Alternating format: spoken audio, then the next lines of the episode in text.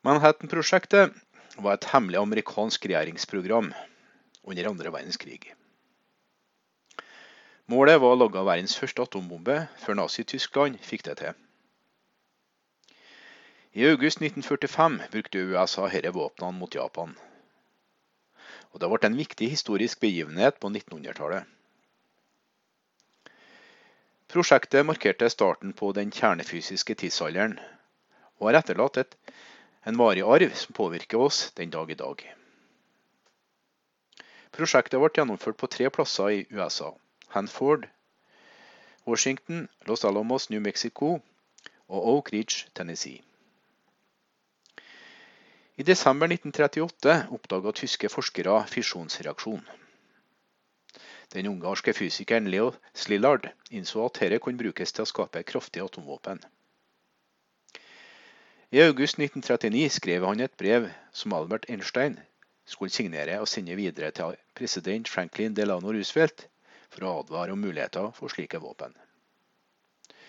Pga. frykt for tysk atomforskning danna Roosevelt den rådgivende komiteen for uran, som møttes første gang 21.10.1939.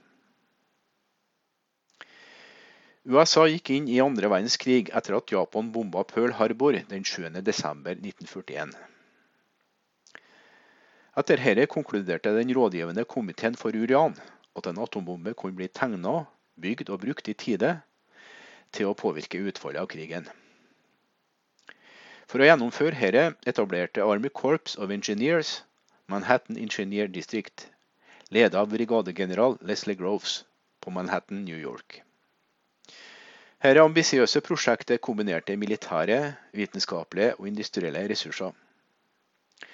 Til tross for involvering av hundretusenvis av arbeidere over hele landet, ble Manhattan-prosjektet holdt hemmelig. Forskere vurderte to måter å bygge en atombombe på. Den ene måten involverte uran 235 isotopen, som var sjelden og utgjorde mindre enn 1% av naturlig forekommende uran. Den andre metoden brukte plutonium, et nyoppdaga grunnstoff som kunne lages gjennom en kontrollert kjedereaksjon med uran. Begge metodene var kostbare og uprøvde, og det var ingen sikker suksess. Derfor ble det besluttet å utforske begge måtene og etablere tre plasser for prosjektet. Prosjektet involverte også flere mindre plasser rundt om i landet og verden. US Army Corps of Engineers starta et landsomfattende søken etter tre plasser som oppfylte spesifikke kriterier. Den føderale regjeringa brukte krigsmaktsloven fra 1942 for å erverve disse plassene, noe som førte til at stammer, bonde og husmannssamfunn ble fordrevet. Noen hadde bare 30 dager på seg og ble dårlig kompensert for hjemmene sine. Indianere ble også tvunget til å forlate sine tradisjonelle heimland og leveområder. Et stort industriområde ble bygd i Oak Ridge, Tennessee, for å anrike uran og bli hovedkvarter for det landsomfattende prosjektet. De utvikla tre forskjellige teknologier for urananrikning samtidig. I tillegg ble det satt opp en pilotreaktor og et kjemisk separasjonsanlegg i Oak Ridge for å produsere en begrensa mengde plutonium. Bare seks måneder etter at Oak Ridge plutonium-pilotanlegget ble etablert, ble et enormt industrikompleks for produksjon av plutonium bygd i Hanford, Washington. Komplekset inneholdt store produksjonsreaktorer, kjemiske separasjonsanlegg og fabrikker for produksjon av drivstoff. Selv om anleggene ble bygd raskt, var produksjon av både uran og plutonium treg og utfordrende. Det var ikke før i midten av 1945 at det ble nok anrika uran og plutonium tilgjengelig for å bygge de første atombombene. Å bygge selve bombene var en utfordrende oppgave. Nøyaktige beregninger av utallige timer med eksperimenter var nødvendig for å oppnå de optimale spesifikasjonene for størrelse og form. Tidlig i 1943 oppretta general Groves et bombedesign- og utviklingslaboratorium i Los Alamos, New Mexico, med noen av verdens fremste vitenskapsmenn under ledelse av G. Robert Oppenheimer. Laboratoriet lå på toppen av Parajitum-platået, i et isolert område i det nordlige New Mexico. For uranbombene brukte de en enkel kanonmetode for å skape en kritisk masse og atomeksplosjon. Men i 1944 bestemte forskere at en kanonbombe ikke ville fungere for plutonium. De vendte seg derfor til den teoretiske og ekstremt komplekse implosjonsmetoden. Da de var usikre på om dette ville fungere, testa de implosjonsmetoden på et sted som heter Trinity i det sørlige New Mexico den 16. juli. Manhattan-prosjektet leide inn private selskaper for å bygge og administrere samfunnene som skulle huse arbeiderne. Disse samfunnene ble aktive med kinoer, butikker, skoler, sykehus, parker og samlingsplasser. I 1945 hadde Oak Ridge en befolkning på rundt 75 000. Richland hadde 15 000 innbyggere som arbeidet i Hanford-området, og Los Alamos hadde 6000 innbyggere. Arbeiderne var en blanding av militære og sivile. Mange var hvite menn, men arbeidsstyrken inkluderte også kvinner, latinamerikanere, indianere og afroamerikanere. Over 15 000 afroamerikanere arbeidet ved Three Cities, og omtrent 7000 jobber i Oak Ridge for Manhattan-prosjektet. De fleste av dem hadde lavere stillinger og møtte rasisme og segregasjon ved Oak Ridge, og lignende forhold eksisterte i Hanford. Forskerne var hovedsakelig hvite mannfolk, men det var også kvinnelige, indianske og latinamerikanske forskere på de tre plassene. Noen afroamerikanske forskere jobba på mindre Manhattan-prosjektplasser som Metal Urigical Laboratory, MetLab ved University of Chicago. Selv om alle visste at de bidro til krigsinnsatsen, var prosjektet stort sett hemmeligholdt. Manhattan-prosjektet lyktes på bare noen få år med å fremstille verdens første atomvåpen. Kjernefysisk vitenskap gikk fremover raskt, og mange nye oppdagelser ble gjort. Prosjektet resulterte i hundrevis av patenter gitt til interne forskere og ingeniører, samt entreprenører som var involvert. Imidlertid oppsto det etiske spørsmål da prosjektet nærma seg bruken av den første atombomba da noen begynte å forstå prosjektets virkelige hensikt. Likevel var forskere og politikere hovedsakelig opptatt av å avslutte krigen så raskt som mulig.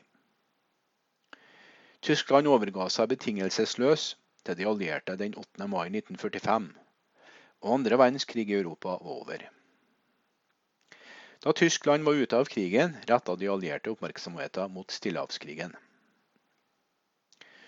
USA slapp den urandrevne atombomba Little Boy over Hiroshima, Japan, den 6. august 1945, etterfulgt av den plutoniumdrevne Fatman over Nagasaki den 9. august.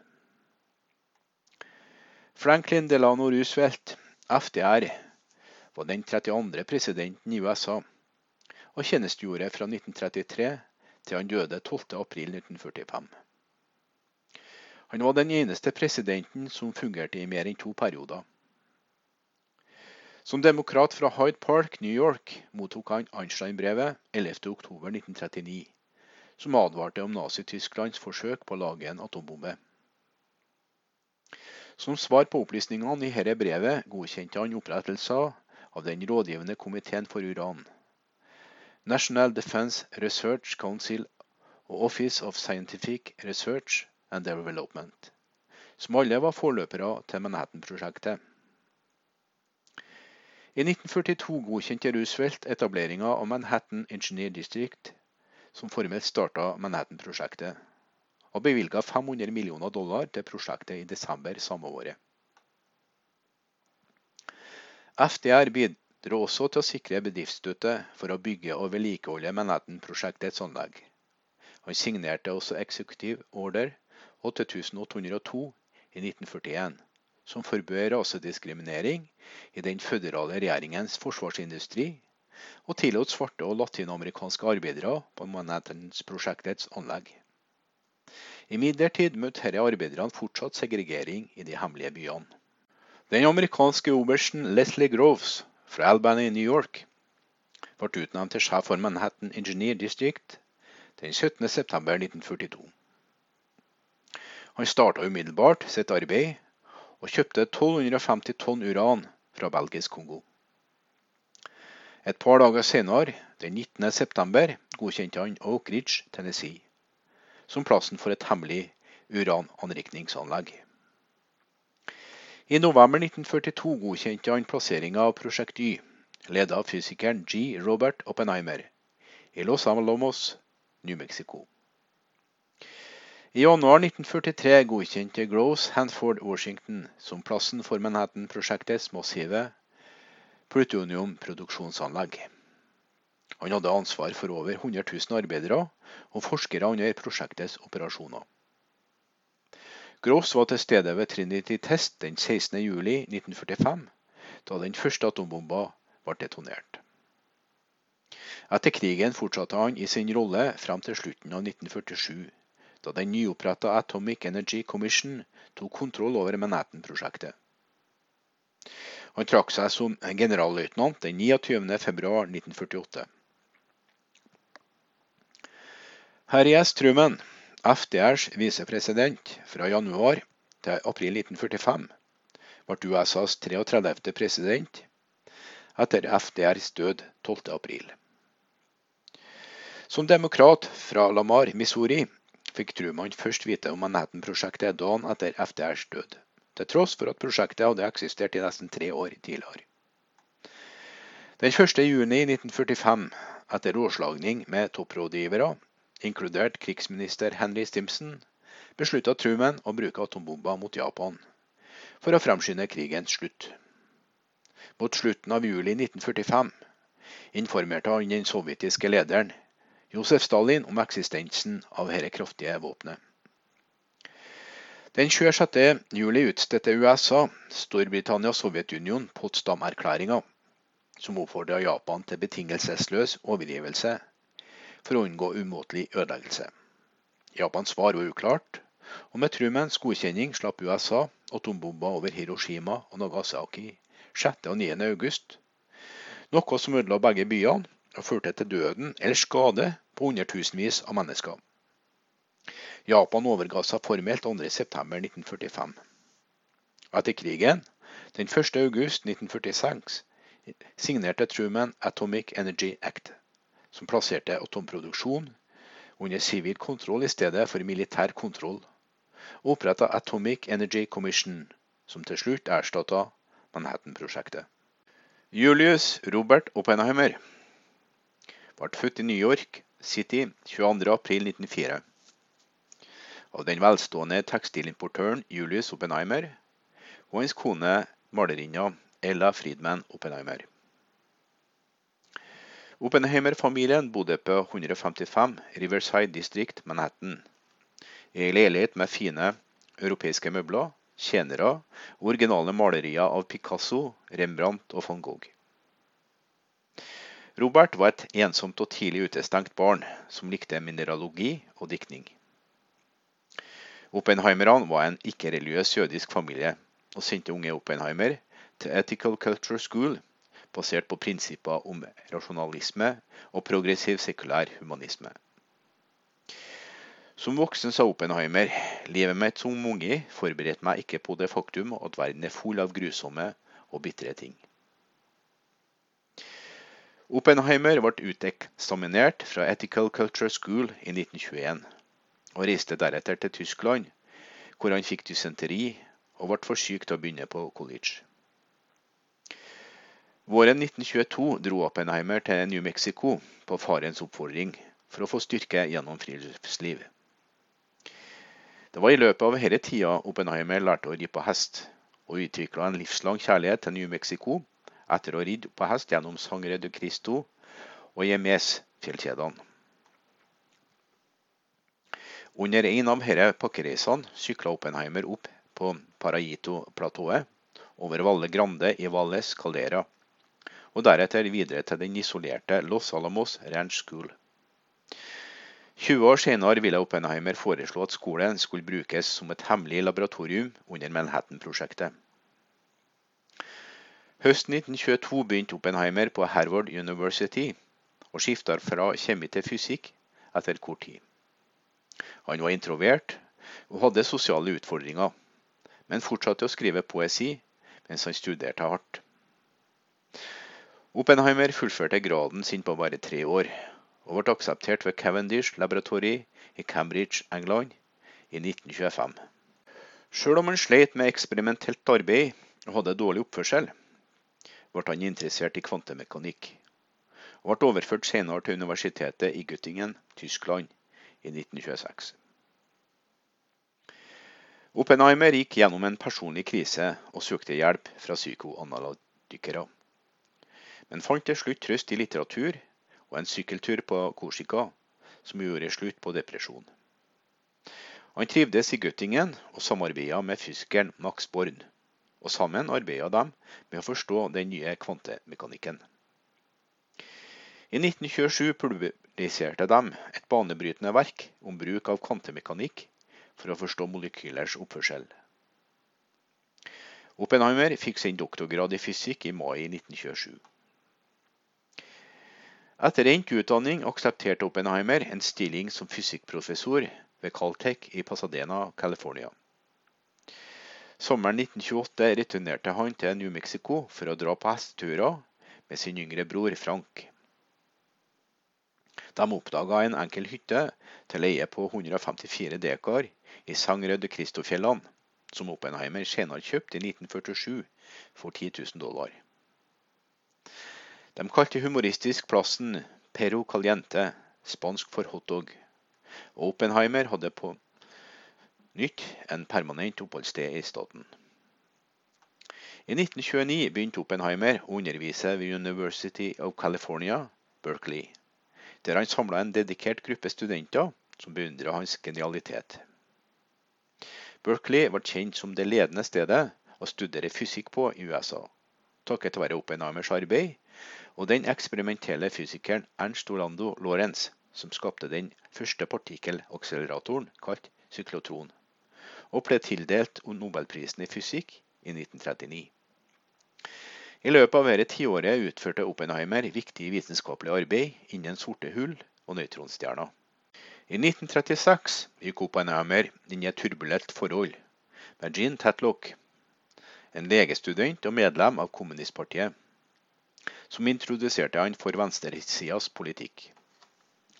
Før dette var Oppenheimer uinteressert i politikk, og levde uten radio, aviser og magasiner. Etter hvert engasjerte han seg i politikken, og utvikla sterke følelser for sine jødiske slektningers lidelser i Nazi-Tyskland. På 1930-tallet trodde mange at kommunismen var det eneste levedyktige alternativet mot fascismen i Europa, til tross for Stalins brutalitet i Russland.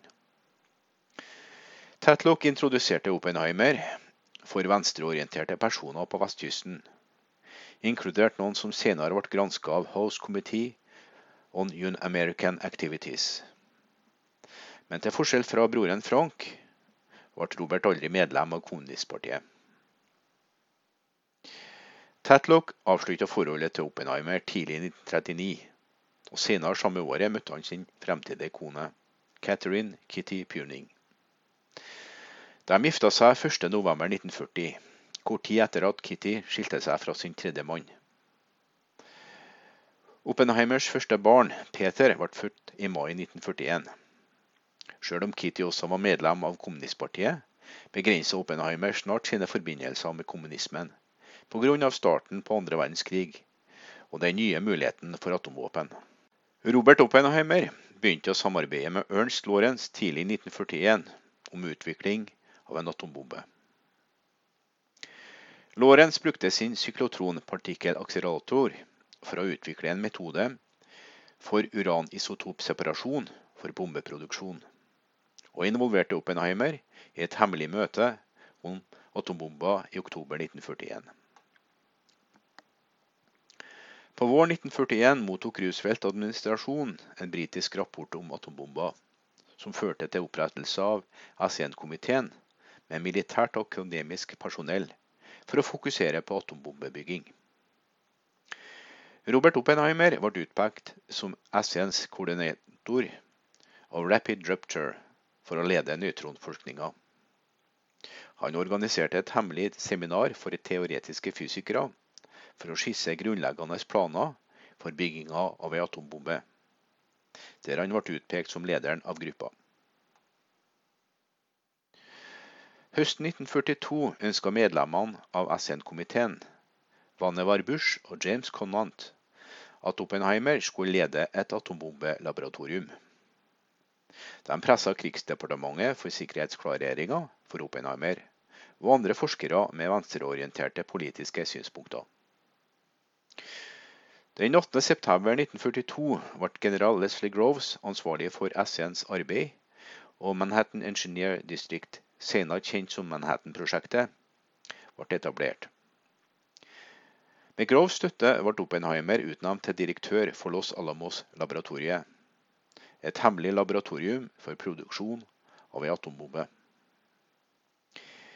Vinteren 1942-1943 informerte Oppenheimers nære venn, professor Hakan Chevalier, Oppenheimer om at fysiker George Eltonton fra Shell ønsket at han skulle gi atombombeinformasjon til det sovjetiske konsulatet i San Francisco.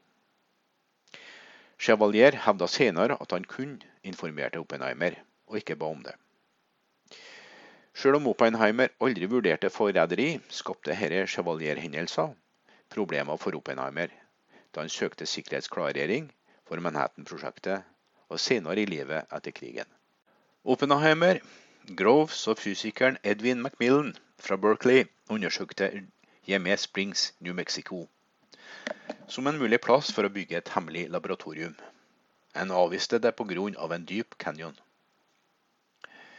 Grove spurte Oppenheimer om det fantes en annen plass i området. Oppenheimer foreslo Los Alamos Ranch School. Etter å ha inspirert skolen i Mesfjellene, erklærte Groves her er plassen. Og To dager senere begynte hæren å kjøpe opp landområdene her. Byggemannskapene bygde midlertidige brakker og enkle laboratoriebygninger, alt malt i hærens grønne farge. Oppenheimer uttrykte senere at han følte ansvar for å ha ødelagt et vakkert sted, sjøl om han aldri hadde hatt ansvaret for noe større enn et kandidatseminar, ble han en effektiv og dyktig administrator. Etter at forskerne nekta å verve seg til hæren, forvandla Oppenheimer med Groves for å tillate at de ansatte ved Los Alamos kunne forbli sivile. På Los Alamos brukte Oppenheimer jeans eller kakibukser og en blå arbeidsskjorte, og den sivile arbeidsstyrken førte hans uformelle stil. Laboratoriet var åpent dag og natt, og forskerne satte opp sine egne tidsplaner. Kollegaen Hans Bete sa at Oppenheimer forvandla seg fullstendig for å tilpasse seg sin nye rolle og brakte det beste frem i de ansatte. Oppenheimer måtte balansere behovet for hemmelighold med vitenskapelig samarbeid og opprettholde harmoni mellom sivile og militære arbeidere. Unge forskere klaga over at hærledelser bremsa fremdrifta, mens Oppenheimer forsøkte å beskytte sine ansatte mot sikkerhetstiltak. Groves omtalte Los Alamos-sivilistene som barna og han prøvde å tilfredsstille deres spesielle og egenrådige natur. Oppenheimer fant det utfordrende å samarbeide med hærens kontraetterretningsoffiserer, og han ble konstant overvåka. Stort ansvar, konstant overvåking og frykta for å feile tok på Oppenheimer. I juni 1943 ble Oppenheimer observert av militær etterretning mens han besøkte Jean Tatlock i San Francisco. Tatlock, som var medlem av kommunistpartiet, og hadde også et forhold med Oppenheimer, og var mistenkt for å dele atomhemmeligheter, og var under FBI-overvåking. Groves sikkerhetshjelper, oberstløytnant Lansdale, ønska å presse Oppenheimer til å gi informasjon om kommunister, mens etterretningsoffiser Obert Boris Pers ønska at Oppenheimer skulle sparkes. Begge spurte ut Oppenheimer i all hemmelighet mens de spilte inn samtalene. Groves mente at Oppenheimers ambisjoner garanterte hans lojalitet. Oppenheimer røykte fire til fem pakker sigaretter om dagen, i tillegg til ei pipe, og han hadde en vedvarende hoste. Med en høyde på 5 fot og 10 tommer, altså 1,5 meter, og en vekt på bare 52 kg, leda han Prosjekt Y. Mange arbeidere, inkludert Oppenheimer, drakk alkohol som strømma i strie strømmer på plassen. Stresset økte etter hvert som arbeidet gikk fremover, og Oppenheimer fant lindring med å ri med hest oppe i fjellene. Oppenheimer, fysikeren Kenneth Bainbridge og noen herreoffiserer valgte et område på 29 ganger 40 km i sentrale New Mexico for den første atombombetesten, kjent som Trinity. På testdagen klatra Oppenheimer alene opp i tårnet med testenheten Gadget for en siste inspeksjon av prosjektet han hadde leda. General Groves og Oppenheimer bestemte seg for å utføre en test klokka 5.30 og det ble en vellykka detonasjon. Etter den vellykka Trinity-testen sa Oppenheimer til broren Frank det fungerte. Senere i 1965 mente han at testdetonasjon minner han om linjene fra Bhagavad Gita. Nå er jeg blitt døden, ødelegger av verdener. Etter testen var Oppenheimer ettertenksom og rådførte seg med potensielle flyvåpenprodusenter. Da Little Boy-atombomba ble sluppet over Hiroshima, snakka Oppenheimer med arbeiderne og uttrykte stolthet, men angra på at bomben ikke var klar til tidligere bruk mot tyskerne. Etter at Fatman-atombomba ble sluppet over Nagasaki, var det en følelse av dysterhet over laboratoriet. Oppenheimer tok familien med til feriehuset i New Mexico og begynte å planlegge livet etter Manhattan-prosjektet. Oppenheimer ble berømt pga. sin rolle i Manhattan-prosjektet. Han advarte om farene ved atombomber, og gikk inn for internasjonal kontroll av atomvåpen. President Truman reagerte negativt på Oppenheimers standpunkt, og kalte han senere en sutrekopp. Etter prosjektet mottok Oppenheimer tilbud om å undervise ved flere universiteter, men han valgte å bli ved Caltech, og flytta med familien sin til Pasadena i november 1945. Enrico Fermi ble født i Roma i Italia i 1901, og tok doktorgraden sin i fysikk ved universitetet Pisa i 1922. I 1927 ble han professor i teoretisk fysikk ved universitetet i Roma. I 1934 delte Fermi og kollegaene hans uran uten å vite det, og de forska på kjernefysisk transformasjon og oppdaga langsomme nøytroner, som var avgjørende for oppdagelse av kjernefysisk fisjon. Dette bidro til at Fermi mottok nobelprisen i fysikk i 1938. Samme året forlot han det fascistiske Italia under Benito Mussolinis styre, og emigrerte til USA sammen med familien sin. I 1942 utvikla Fermi Chicago Pile, CP1, ved University of Chicago. Denne eksperimentelle atomreaktoren ble kritisk den 2. desember 1942. Etter denne suksessen ble Fermi rekruttert av G. Robert Oppenheimer som assisterende direktør ved Los Alamos. Fermi var den første som satte inn uran i B-reaktoren på Hanford, og han var til stede da XT Graphite-reaktor ble kritisk ved Oak Ridge. Han var også vitne til Trinity-testen i New Mexico-ørkenen. Etter krigen ble Fermi professor ved University of Chicago men døde av magekreft i 1954. Født i Ungarn i 1908 tok Edvard Teller sin bachelorgrad i kjemiteknikk ved universitetet i Karlsruhe, Tyskland, i 1928. Han fullførte sin doktorgrad i fysikk ved universitetet i Leipzig i 1930. Pga. frykten for nazismens fremvekst forlot Teller Tyskland i 1933 og emigrerte først til Danmark deretter til London og til slutt til USA i 1935, hvor han slutta seg til Enrico Fermi ved University of Chicago. I 1939 besøkte Teller sammen med kollegaen Eugene Wigner og Leo Slidlard Albert Einsteins heim på Long Island, New York, for å overtale Einstein til å signere et brev som advarte president Franklin Roosevelt om Tysklands forsøk på å lage et atomvåpen, og oppfordra USA til å gjøre det samme. Dette Einstein-brevet ble en katalysator for opprettelse av Manhattan-prosjektet. I 1943 reiste Teller til Los Alamos og ble direktør for den teoretiske avdelinga i Prosjekt Y. Han bidro til den endelige vellykka implosjonsmetoden som ble utvikla ved det hemmelige laboratoriet, og han var vitne til gadget detonasjon 16.07.1945. Etter krigen, da Sovjetunionen lyktes med å detonere sin egen atombombe i 1949, oppfordra Teller president Harry Truman til å utvikle et hydrogenbombeprogram. Truman godkjente dette året etter, og i samarbeid med matematikeren Stanislav Ulam utvikla Teller verdens første hydrogenbombe i 1951.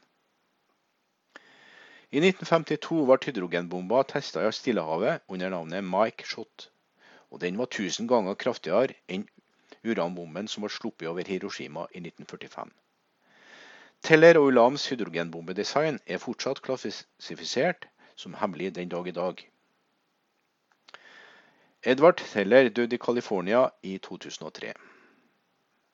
Leo Szilard ble født som Leo Spitz i Budapest, Ungarn i 1898. Han fullførte sin doktorgrad i fysikk ved Universitetet i Berlin i 1922, og ble en nær venn av Albert Einstein i løpet av denne tida.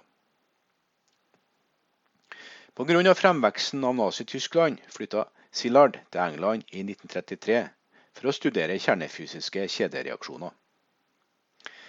I 1940 ble han amerikansk statsborger og begynte å jobbe ved Columbia University i New York. Et år tidligere skrev han det berømte Einstein-brevet, med hjelp fra kollegaen Albert Einstein, Edvard Teller og Eugene Wigner. Brevet advarte president Franklin Roosevelt om Tysklands mulige planer om å lage en atombombe, og oppfordra USA til å gjøre det samme. I 1942 begynte Sillard arbeidet med Chicago Pile, CP1, mens han var sjefsfysiker ved Chicago Metallurgical Laboratory, Metlab, under ledelse av Arthur Compton. Selv om han var en nøkkelspiller i utviklinga av atombomber, var Sillard svært bekymra for at militæret skulle ha kontroll over Manhattan-prosjektet. Han foretrakk sivil kontroll og oppfordra til begrensa bruk av atomvåpen. I juli 1945 gikk han så langt som å be om at bomba ikke ble sluppet over Hiroshima. Men hans forespørsel nådde aldri president Trumans skrivebord. I 1946 trakk Sillard seg fra Metlab og fortsatte med forskning og undervisning ved University of Chicago gjennom 1950-tallet. Han fortsatte å argumentere for begrensa utvikling av atomvåpen, og oppfordra til fredelig bruk av atomkraft. Szilard døde av hjerteinfarkt i California i 1964. Manhattan-prosjektet ble raskt omskapt fra å være en idé til å bli en realitet pga. titusenvis av arbeidere som bidro til dette topphemmelige prosjektet. Mange jobba ved de tre hovedsentrene i Hanford, Los Alamos og Oak Ridge, mens andre arbeider på mange mindre plasser over hele USA. De fleste visste ikke den virkelige hensikten med arbeidet sitt. Arbeidsstyrken besto hovedsakelig av hvite menn, men inkluderte også afroamerikanere, indianere, latinamerikanere og kvinner. Under andre verdenskrig tjenestegjorde tusenvis av menn utenlands, og kvinnfolkene fylte jobbene hjemme, inkludert ved Manhattan-prosjektet. Kvinner jobba som sykepleiere, lærere, bibliotekarer, kokker og sekretærer. De deltok også i tradisjonelt mannsdominerte bransjer som sveising og produksjon av krigsutstyr på samme blond. Et begrenset antall kvinnfolk jobba som forskere og teknikere ved både større og mindre Manhattan-prosjektplasser. Det var også kvinnfolk utenfor Manhattan-prosjektet ved skriv var knytta til vitenskapen som drev prosjektet. Under Manhattan-prosjektet opererte omtrent 10 000 unge kvinnfolk areaene, eller raserbanene, ved Oak Ridge U12 Electromagnetic Isotope Separation Plant. Fra 1944, da de første Arayene starta arbeidet, begynte disse kvinnfolkene, kjent som Calitron Girls, å skille ut lettere uran-235 fra det tyngre og mer vanlige uran-238. Det separerte uran-235 ble til slutt drivstoffet for Little Boy. Atombomba designa og bygd i Los Alamos, og som ble sluppet over Japan 6.8.1945. For å holde prosjektet hemmelig i et samfunn med over 75 000 arbeidere og innbyggere, ga ikke Manhattan-prosjektets administratorer her er 10 000 unge kvinnfolkene noen anelse om hva de arbeidet med. Flere av kvinnfolkene husker at kollegaer forsvant uventa fra jobben, ofte fordi de hadde vært for nysgjerrig på hva de arbeidet med. Calutron Girls opererte skivene med Y12 mer effektivt enn forskerne, siden de ikke var klar over vanskelighetene i arbeidet, da de var mer tilbøyelige til å varsle sine overordna om problemer, i stedet for å prøve å korrigere det sjøl, som en vitenskapsmann ville ha gjort.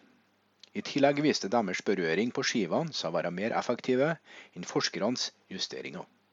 De 1152 kalutronene ved Y12, som ble operert av Kalutron Girls, produserte 140 kg uran-235 i løpet av 1944 og 1945. Nok til å lage drivstoff for en atombombe. 6.8.1945, da de endelig fikk vite hva de hadde arbeidet så flittig med at drivstoffet til atombomba ble sluppet over Hiroshima, Japan. Tusenvis av afroamerikanske kvinnfolk og menn bidro til Manhattan-prosjektet. De utgjorde en betydningsfull del av arbeidsstyrken, spesielt ved Hanford og Oak Ridge. Over 15 000 afroamerikanere kom til Three Cities i forbindelse med Manhattan-prosjektet. Omtrent 7000 arbeidet ved Oak Ridge. De fleste men ikke alle, hadde lavere stillinger. De kom til Hanford og Oak for å bidra til krigsinnsatsen og for å tjene bedre lønn, men møtte rasisme og segregering som var utbredt i USA på denne tida. Selv om afroamerikanerne hovedsakelig hadde jobba som bygningsarbeidere, arbeidere, vaktmestere eller hjemmehjelper, jobba noen få som forskere og teknikere ved mindre Manhattan-prosjektsteder i New York og Chicago. Manhattan-prosjektet kunne ikke ha blitt mulig uten bidraget fra hundrevis av arbeidere med latinamerikansk bakgrunn, spesielt i de omkringliggende samfunnene ved Los Alamos. På Los Alamos-laboratoriet jobba lokalbefolkninga som maskinister, teknikere, anleggsarbeidere og i andre stillinger. Latinamerikanere var med på å bygge byen, bygge veier, offentlige bygninger og boliger. De støtta også samfunnet som hushjelper, dagmamma, gartnere, kokker og servitører i spisesalene. Og i mange andre jobber som var nødvendige for å holde samfunnet i gang. Det var også noen få latinamerikanske forskere og teknikere som jobba for Manhattan-prosjektet. Produksjon og testing av verdens første atomvåpen frigjorde store mengder radioaktive biprodukter i miljøet. Mennesker som bodde i nærheten av Manhattan-prosjektets anlegg i Hanford, Washington, Los Alamos, New Mexico og Oak Ridge, Tennessee, ble eksponert for disse radioaktive giftstoffene, og ble senere kjent som downwinders. I hastverket med å bygge bombene ble radioaktive biprodukter fra urananrikning ved Oak Ridge og plutoniumproduksjon ved Hanford spredt i den lokale atmosfæren og i elvene. Trinity-testen i juli 1945 i New Mexico-ørkenen sør for Los Alamos førte til radioaktivt nedfall som påvirka indianersamfunn, bønder og husdyr over hundrevis av kilometer. År, noen ganger tiår senere, opplevde Don Winders uforklarlige tilfeller av kreft, skjoldbruskkjertelsykdom, infertilitet og sterilitet. Kvinnfolk hadde dødfødsler og barn med medfødte helseskader. Noen personer som var downwinders, ble mer utsatt enn andre. Spedbarn og barn som drakk fersk melk fra lokale kyr, tok opp radioaktiv jod. Det samme gjorde familier som dyrka og spiste egne grønnsaker. Bønder og landbruksarbeidere inhalerte forskjellige radioaktive isotoper fra støvet på vegetasjon som kom med vind fra Hanford. Stammefolk konsumerte bestrålt fisk og vilt. Gravide kvinner som spiste lokal mat, satte sine ufødte barn i fare. Pga. hemmeligholdet rundt Manhattan-prosjektet advarte ikke myndighetene de lokale innbyggerne om radioaktiv forurensning, og avviste bekymringene som noen uttrykte. Først på 1980-tallet fikk journalister, bekymra borgere og downwinder-aktivister tilgang til dokumentasjon fra det amerikanske energidepartementet, som bekrefta skadene som hadde skjedd. Manhattan-prosjektets ledere valgte nye avsidesliggende teststeder med strategiske fordeler. Trinity Test Site, som var om lag 250 km sørøst for Los Alamos National Laboratory i Tularosa-bassenget, New Mexico, var et slikt sted. Miljøet var flatt og tørt, og forskerne trodde at den generelt lille og forutsagbare vind ville begrense spredninga av strålinga. Selv om målet var hemmeligholdt, var eksplosjonen synlig over 200 km unna. Vitner fra så langt som Albuquerque og El Paso beskrev en enorm ildkule og soppsky. Selv om det var få mennesker som bodde i den omkringliggende Jornardo del Muerto-ørkenen, bodde noen ranchere og storfe om lag 20 km fra Trinity Test Site. Titusenvis bodde innenfor en radius på 70 km. Disse menneskene ble ikke informert om testen før etter atombombene i Hiroshima og Nagasaki ble sluppet. Forskere og militære tjenestemenn prioriterte hemmelighold. I en pressemelding beskrev de eksplosjonen som en ulykke med ammunisjon og pyroteknikk. Selv om det ikke var noen skader, ble det nevnt at værforholdene kunne kreve at noen sivile måtte evakuere. Ledelsen i Manhattan-prosjektet valgte imidlertid å ikke gjennomføre en evakuering, da de frykta at det kunne føre til mistanke og forårsake panikk. Trinity-testen representerte den første detonasjonen av et kjernefysisk våpen noensinne, og den første testinga av en atombombe. Forskere fra Manhattan-prosjektet lasta enheten, kjent som Gadget, med 20 kg plutonium, mens bare 5 kg var nødvendig for fisjonsreaksjon. De var klar over at testen ville produsere store mengder radioaktiv nedfall, men mønsteret av nedfallet var usikkert. Gadget var plassert på et 40 meter høyt tårn for testen. Fordi Trinity-testen ble utført relativt nær bakken, ble store mengder stråling skutt opp i atmosfæren. Radioaktivt nedfall spredte seg mot nordøst over et område som var rundt 300 km langt og 250 km bredt. Og forskerne spora nedfallet så langt som ut i Atlanterhavet. Det meste av nedfallet falt ned på Chupadera Mesa, omtrent 40 km fra teststedet. Etter Trinity-testen endra militære taktikk og begynte å utløse eksplosjonene over bakken for å redusere spredninga av radioaktivt nedfall. I New Mexico påvirka strålinga grønnsaker og storfe, og forurensa vannforsyninga. Mange mennesker på landsbygda mangla rennende vann, og samla regnvann i store tanker for bruk. Lokalbefolkninga dyrka mesteparten av sin egen mat, oppdretta husdyr til kjøtt. Å spise kjøtt med høye nivåer av stråling var knytta til kreft, dødfødsel og fødselsskader. Manhattan-prosjektets forskere tok visse forholdsregler for å studere resultatene av Trinity-testen, men de samla ikke data om sivil eksponering, bekymra for at de kunne skape panikk. Offentligheten var uvitende om alvorligheten av strålingsfarene Sjøl etter at regjeringa avslørte at den enorme eksplosjonen den 16.07 om morgenen var en atombombe.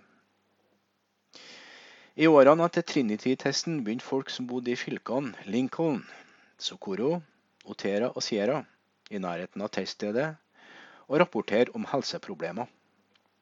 Mange opplevde sykdommer som hjertesykdom, leukemi og kreftformer, selv om det ikke hadde vært noen tidligere historie med slike tilstander i familiene deres.